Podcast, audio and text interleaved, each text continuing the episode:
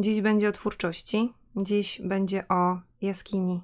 O takiej jaskini, do której ucieka każdy twórca w momencie, kiedy zaczyna tak naprawdę z głębi siebie tworzyć. A wszystko dlatego, że napisałam książkę.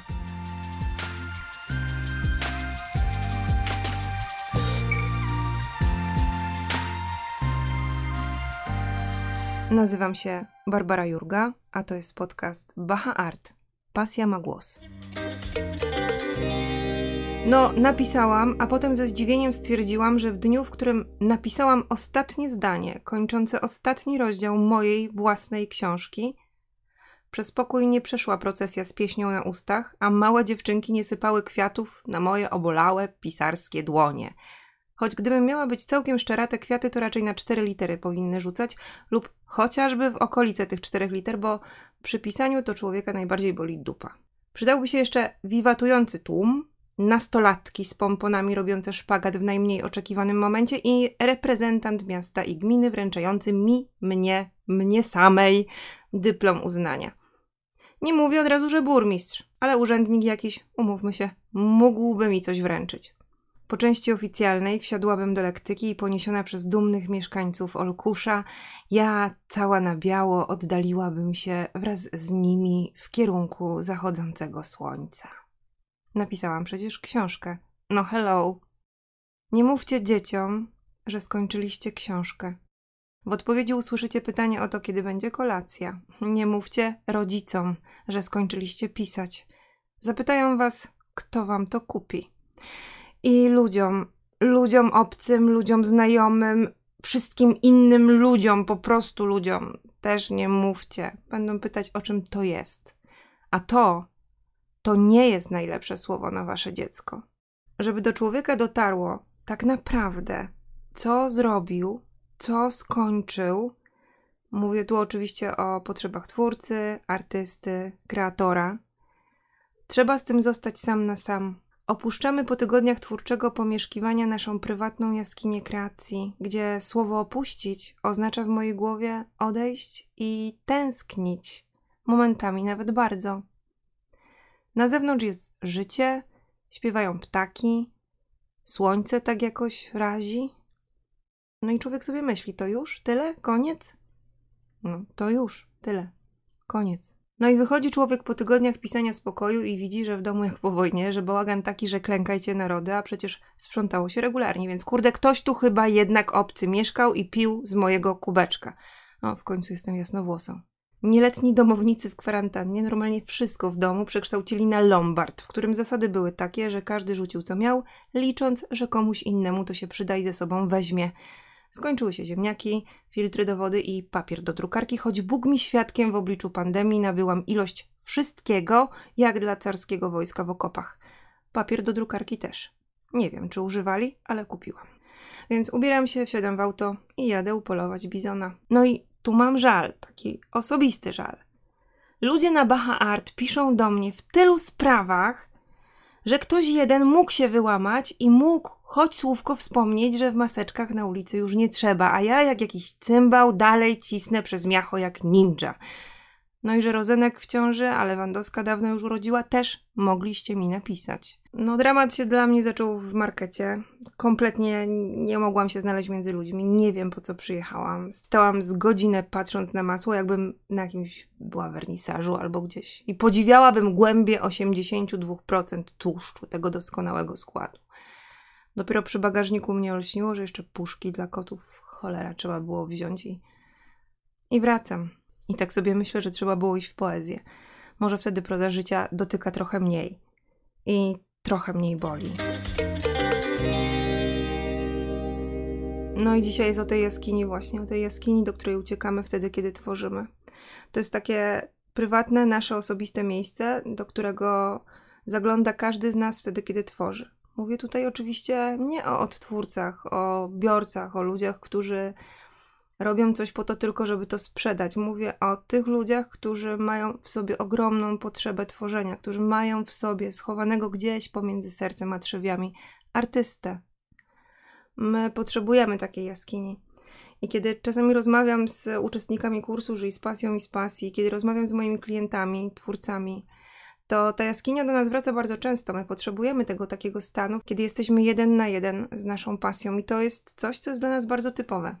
Wczoraj była śmieszna sytuacja, bo sprzedawałam rower. Sprzedawałam rower na Oliksie i mm, no dziwne, bo z wielu zapytań, które były tutaj od ludzi, którzy mieszkają mniej więcej na południu Polski w okolicach mojego miasta, czyli w Olkuszu, no to najbardziej zainteresowany człowiek e, zakupem tego roweru to był człowiek z Lublina. No, między Olkuszem a Lublinem jest spora odległość, to jest mniej więcej jakieś 5 godzin jazdy, bo droga nie jest za bardzo komfortowa.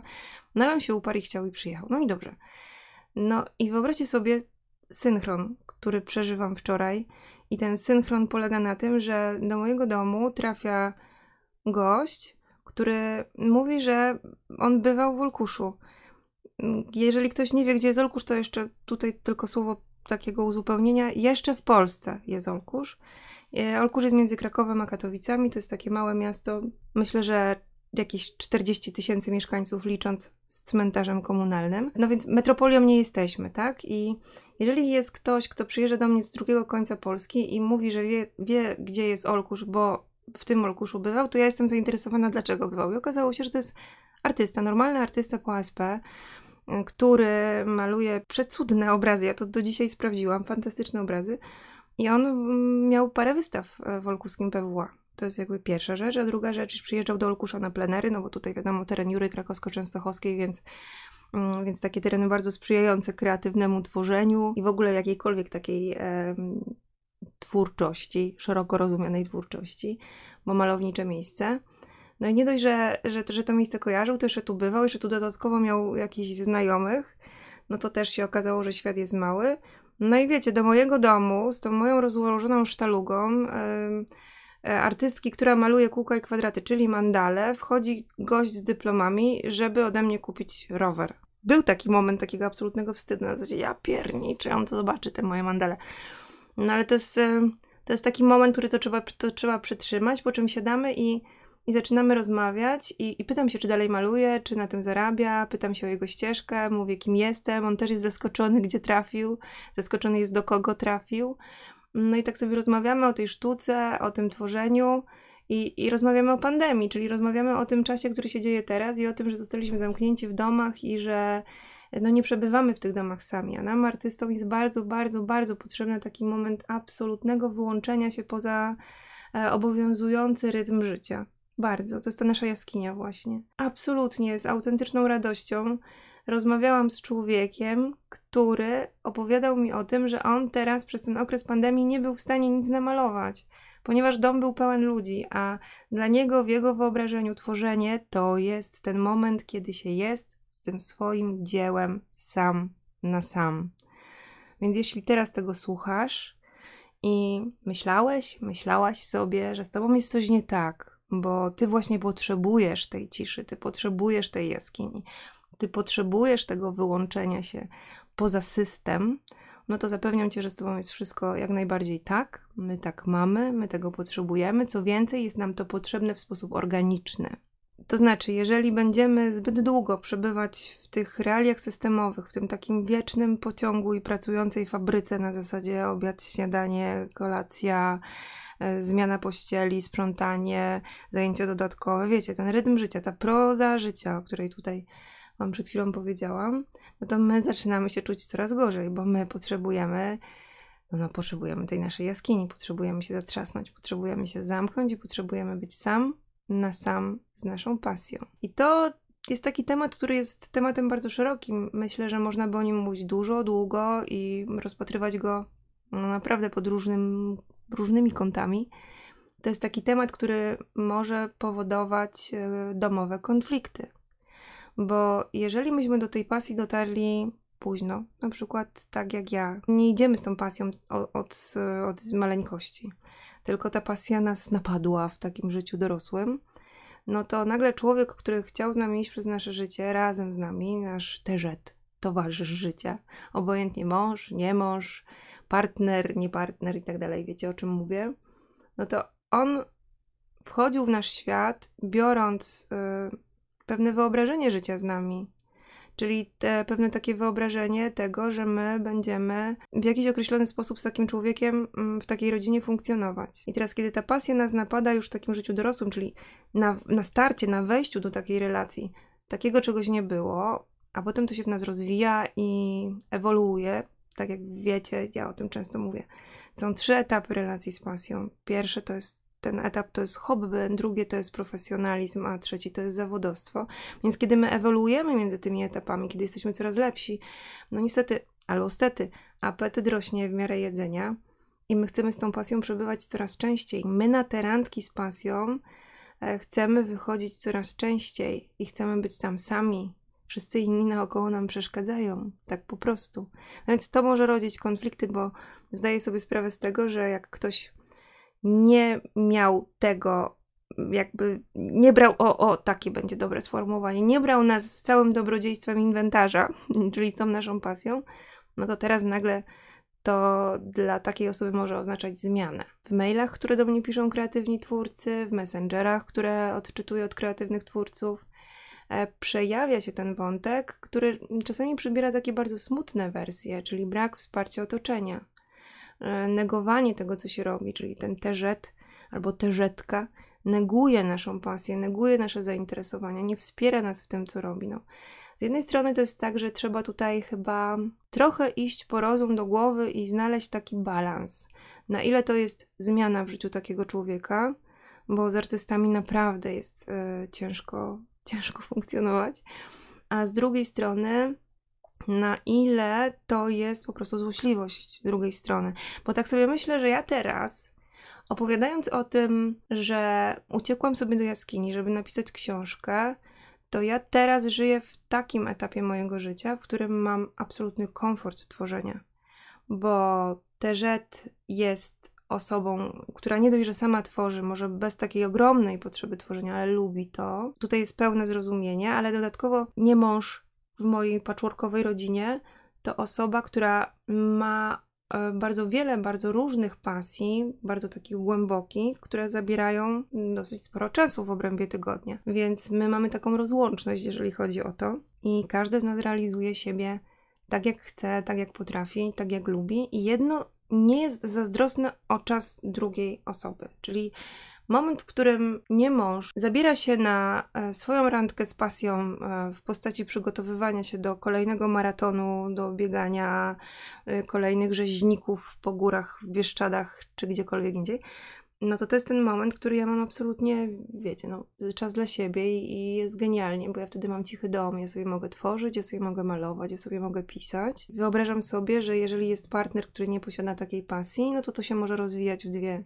w dwie strony. Jedna strona może być taka, znaczy rozwijać w dwie strony. To są dwie ewentualności. Jedna ewentualność jest taka, że ta osoba tęskni za nami i ten czas, który my chcemy prze, przekazywać na tą pasję, poświęcać na naszą pasję, to jest, to jest czas, który jest zabrany z, tego, z tej porcji czasu dla naszego partnera. I to może rodzić pewne takie animozje, tak? Ale drugi wariant, yy, właśnie ten wariant o którym piszą do mnie kreatywni twórcy, ten smutny wariant, to jest taki wariant, w którym osoby, które nie mają pasji, ci nasi towarzysze życia, którzy nie mają pasji, nie mają takiej potrzeby, żeby żeby jakąś pasję mieć. Trochę są zazdrośni o tą naszą relację z pasją. To nawet nie chodzi o to, że oni tęsknią za czasem z nami, ale oni nas zaczynają bardzo, bardzo, bardzo mocno negować. I tak sobie myślę, że moje poprzednie życie właśnie wyglądało w taki sposób, że absolutnie nie było tego wsparcia i absolutnie nie było takiej przestrzeni na moje spacery z pasją, a było właśnie takie negowanie, dla zasady negowania. Ludzie, którzy nie mają pasji, nie zrozumieją osoby, która ma pasję i ma potrzeby związane z tą pasją. To jest trochę tak, jakby ja to lubię porównywać do wędkarstwa. Jeżeli nie łowisz ryb, jeżeli to cię nie interesuje, nie kręci, nie jara, nie, nie płoniesz na samą myśl, żeby kupić sobie kolejne wędki i całą noc siedzieć nad brzegiem jeziora czy jakiejś rzeki, no to mm, wszystkie aktywności, które będzie miał wokół tego działania wędkarz, będą dla ciebie mm, działaniami idiotycznymi. I w zasadzie te ciągoty wędkarskie może zrozumieć tylko i wyłącznie drugi wędkarz. Więc taki wniosek, że trochę nie ma co wymagać od tych naszych partnerów, od tego naszego otoczenia, żeby nam asystowali e, z transparentami wspierającymi nas codziennie, że my tutaj z tą naszą pasją oni mogą za nami tęsknić. Jeżeli mamy taką sytuację, w której możemy się równolegle w związku rozwijać jako dwie osoby, które mają dwie odrębne pasje i rozumieją siebie nawzajem, to jest w ogóle, słuchajcie, najbardziej komfortowa sytuacja ze wszystkich możliwych. To jest pierwsza rzecz. Druga rzecz jest taka, tak jak my mamy prawo do pasji, tak oni mogą, one mogą za nami tęsknić, czyli ci partnerzy mogą za nami tęsknić i mogą przejawiać te tęsknoty jakimiś takimi właśnie hasłami pod tytułem znowu dłubiesz, znowu malujesz, znowu lepisz, znowu kleisz, znowu coś tam. To jest takie brzęczenie, wiecie. Jak się już długo z kimś jest, to, to pozwalamy sobie na więcej niż pozwolilibyśmy sobie do obcej osoby. I dopóki to jest takie tylko brzęczenie, to brzęczenie, um, które możecie zajrzeć w siebie, zajrzeć trochę w głąb tego, tego partnera i tak się zastanowić, czy to wynika z tęsknoty za wami, czy to wynika z tego, że coś się w życiu tego człowieka zmieniło, czyli brał was, cudzysłów brał was albo brała was bez tej pasji, a teraz się nagle okazało, że no tam niespodzianka małym druczkiem, yy, okazało się, że kreatywność wzięła górę i tutaj 35 plus i w was się rozwija pasja jakaś. No to jeżeli wiecie, że to są takie mm, intencje, które są bardzo takie oparte o, o tęsknotę, właśnie o miłość, o, o, o ten taki, no trochę też proces zmiany, no bo było inaczej, jest inaczej, no to myślę, że wystarczy porozmawiać, uzmysłowić sobie to najpierw, że to może być taki powód i spróbować ułożyć tę pasję w taki sposób, czy godziny przeznaczone na tę pasję, w taki sposób, żeby one były w porozumieniu z tą drugą stroną, żeby one szanowały również prawo do, do tęsknoty tej drugiej osoby, że, że nas jest mało. Bo umówmy się, bądźmy ze sobą tutaj w tym podcaście zupełnie szczerzy, że nie ma takiego czasu, który byłby dla nas czasem wystarczającym, jeżeli chodzi o pasję.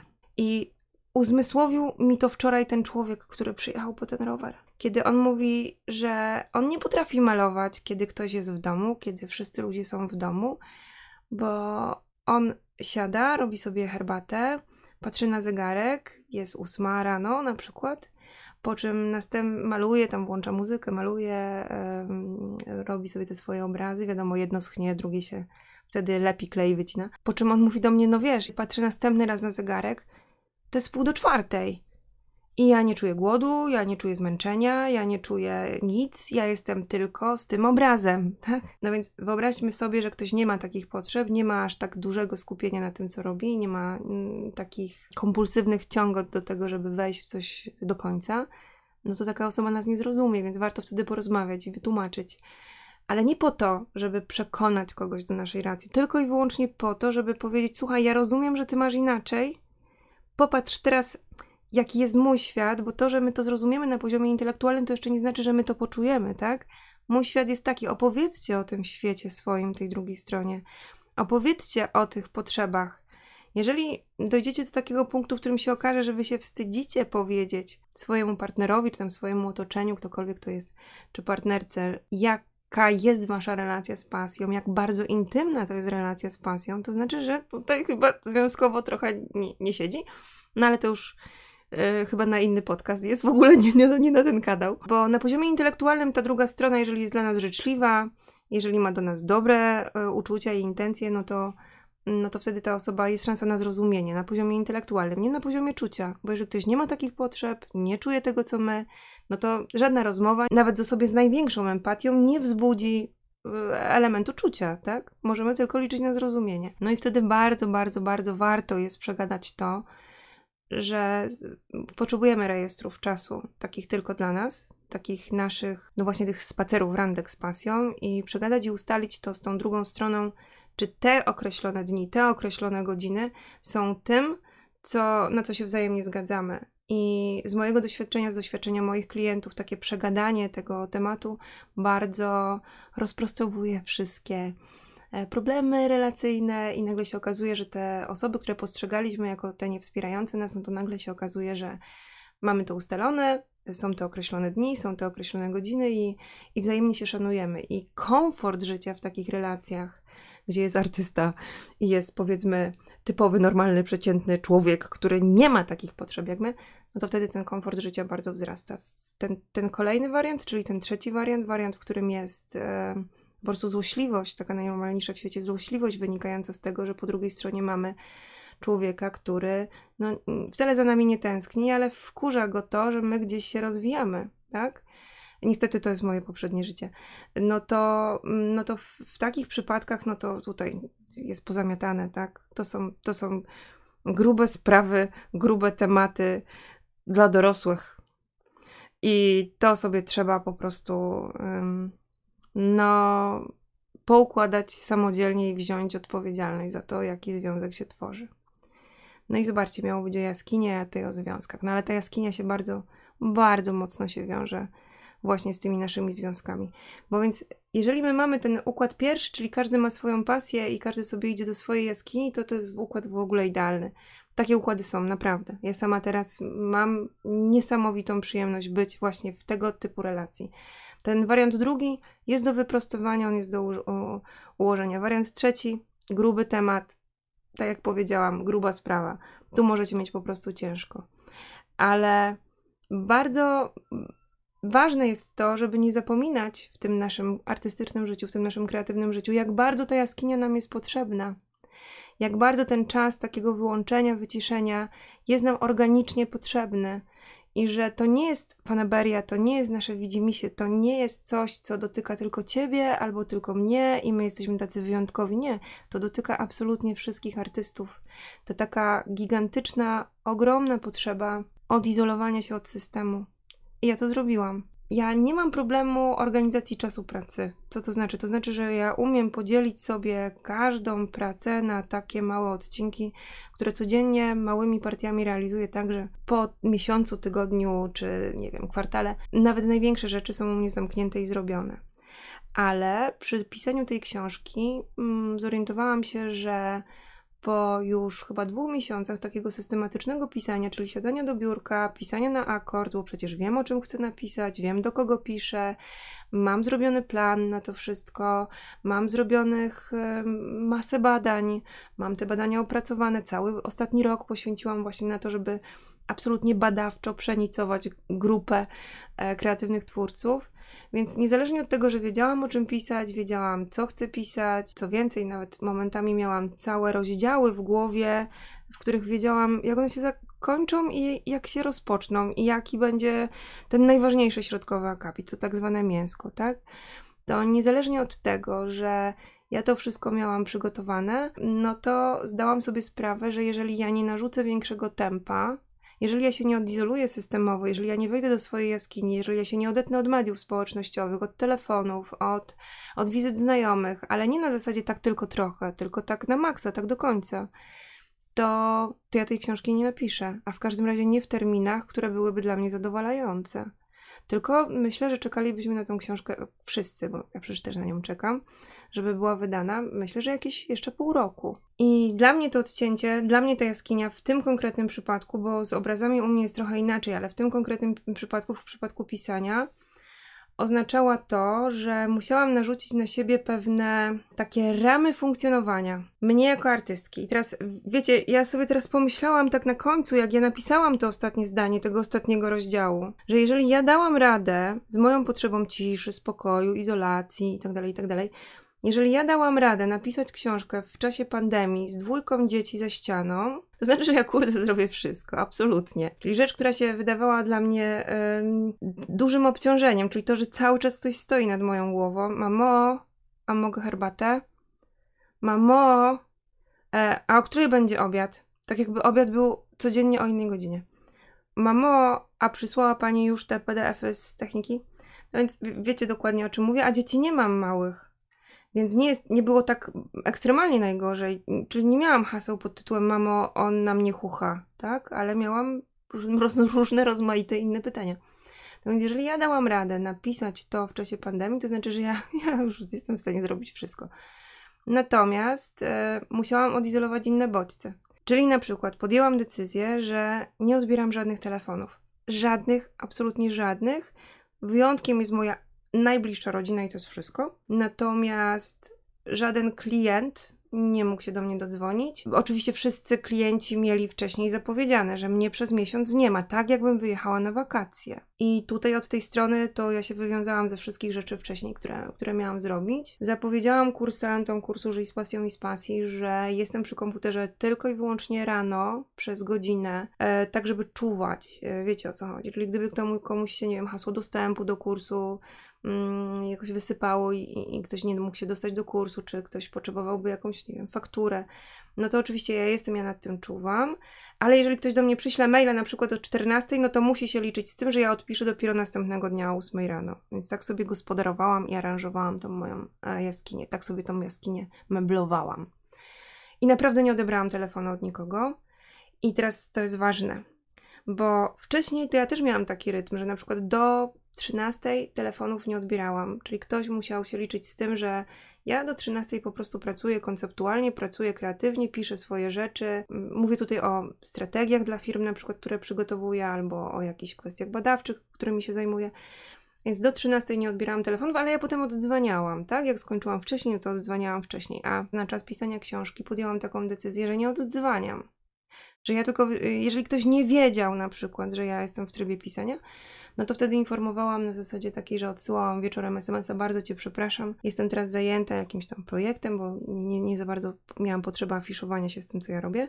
Mówię tutaj oczywiście o ludziach, którzy nie są bahartowi, którzy nie wiedzą, nie wiedzieli o tym, że, że piszę książkę. Niekoniecznie cały świat musi o tym wiedzieć, przynajmniej ja wychodzę z takiego założenia. To, co ja zrobiłam innego niż, niż wcześniej, to ja po prostu dałam sobie komfort tego, żeby nie oddzwaniać, nawet towarzysko, nawet do ludzi, których bardzo lubię i z którymi bardzo lubię rozmawiać, bo wiedziałam, że każda taka godzina, E, oczywiście godzina to jest cudzysłów, to może być 15 minut rozmowy, to może być krócej. Każda taka godzina poświęcona na cokolwiek innego poza moje osobiste życie domowe i poza pisanie tej książki wprowadzi mi do głowy zamęt.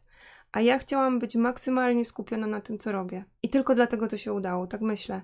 Bo zanim podjęłam taką zdecydowaną decyzję, że nie odbiorę telefonu, że nie będę oddzwaniać, to ja miałam parę takich prób, takich przejściówek. Wie, wiecie o czym mówię, że tak trochę niby tutaj jestem odizolowana, ale jednak drzwi do tej jaskini są otwarte. Czyli jakbyś bardzo chciał i się bardzo upierał, to się do mnie możesz jednak dzwonić, nie? Albo ja potem oddzwonię. No więc to nie działało, to nie, to, to nie zdawało egzaminu u mnie, dlatego że mm, zaczynam być manewrowywana w sytuacje, w których niezależnie od tego, że ja chcę być tutaj do tego pisania, bo mam przecież ten komfort, że prowadzę swoją firmę i mogę sobie sama wydzielić taki urlop twórczy, no to jednak się okazuje, że wszyscy inni próbują tę moją przestrzeń trochę mi zagarnąć. I miałam taki dzień, który ja nazwałam dniem testu dla mnie samej, kiedy powiedziałam sobie nie, nigdy więcej, bo ja po prostu tego nie skończę. No i wtedy było do urwania telefonów. I żeby nie czuć wyrzutów sumienia, że ja tych telefonów nie odbieram, że ja nie czytam tych SMS-ów, to ja zostawiłam telefon w ogóle na innym piętrze i zupełnie, wiecie, wyciszony.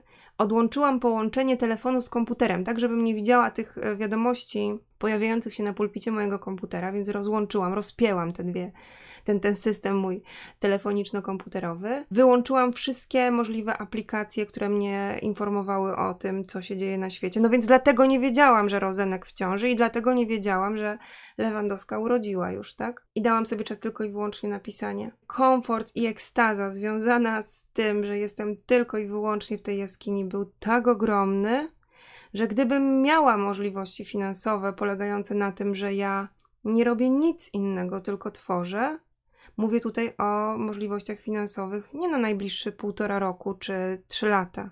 Mówię o możliwościach finansowych docelowo, do emerytury. Gdybym miała taki komfort, to nie chciałabym z tej jaskini wychodzić. Wyjście z tej jaskini jest szalenie trudne, bo wyjście z tej jaskini oznacza wejście znowu w system, a ten system jest taki angażujący. Filtry do wody się skończyły, tak? No najważniejsza rzecz na świecie. Albo ziemniaków brakło. Przesiadywanie w tej jaskini jest z jednej strony nam potrzebne i będę każdego z Was zachęcać do tego, żeby to robić, bo to jest bardzo, ale to bardzo ważne, bo my wtedy świetnie tworzymy. I teraz nie chodzi o to, że sama chwalę własną książkę, bo to nie o to chodzi. To chodzi o to, że my mamy fantastyczny komfort pracy, kiedy my tworzymy, tak? Więc stąd, stąd to słowo świetnie tworzymy.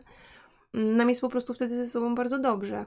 Ale to jest jak bagno, słuchajcie. To jest jak takie bagno z takich bajek o ciemnym lesie i żelaznym wilku. To bagno jest z jednej strony kuszące, bo ono jest takie, takie mocno pociągające, a z drugiej strony ściąga na nas kłopoty. No bo gdyby tak w takiej jaskini przebywać, myślę, dłużej, no to zaczynamy być coraz bardziej odrealnieni. Jeżeli jesteśmy outsiderami, zupełnie outsiderami pozasystemowymi, takimi pozasystemowymi ludźmi, to no to tak, to jak najbardziej, to róbmy sobie co chcemy, ale jeżeli tak naprawdę mamy dzieci, mamy rodziny, mamy jakiś tam ekosystem społeczny. Musimy jeść, musimy się ubierać, musimy wychodzić. E, mamy też dodatkowe jakieś tam zainteresowania, mamy też swoje obowiązki, są zajęcia dodatkowe, na które zawozimy dzieci. No to wtedy ten powrót jest bardzo trudny. A takie zupełne wyizolowanie powoduje, że funkcjonowanie w systemie jest jeszcze trudniejsze. Więc chyba gdybym chciała Wam zostawić jakąś taką myśl, ja chyba tą myśl też bardzo zostawiam tak dla siebie, żeby nie, o tym nie zapomnieć.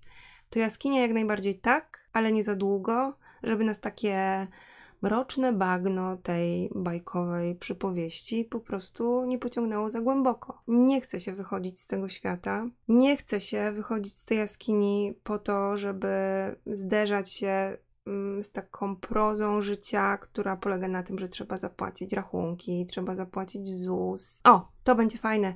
Pamiętam dzień, w którym byłam najbardziej zła, że mi ktoś przerwał. Był dzwonek do drzwi, po czym okazało się, że przyszedł facet, żeby sprawdzić liczniki, muszę go wpuścić do tych liczników i on coś do mnie mówi, chyba nawet żartuje, a ja się tak naprawdę na niego patrzę, kurde, jakie liczniki, w ogóle co ty chłopie chcesz, ja tutaj książkę piszę, nie? I to taką książkę, która rusza twórcę od środka, już to wiem. Osoba, która robiła korektę, też kreatywny twórca, kreatywna twórczyni, napisała mi, że dwa rozdziały zryły jej beret. Absolutnie, więc stąd sobie pozwalam powiedzieć, że to jest taka książka, która kreatywnych ma ruszyć od środka. Chociaż jest o wyliczeniu cen za nasze kreatywne prace. No więc tak, wtedy byłam najbardziej zła, że mi po prostu chłop z jakimś licznikiem, kurde, przerwał i ja, ja z tej jaskini musiałam na chwilę wyjść. Konkluzja, jaskinia jest fantastyczna, dawajcie sobie takie przyzwolenie na taką jaskinię. Mm, natomiast myślę, że jak zawsze,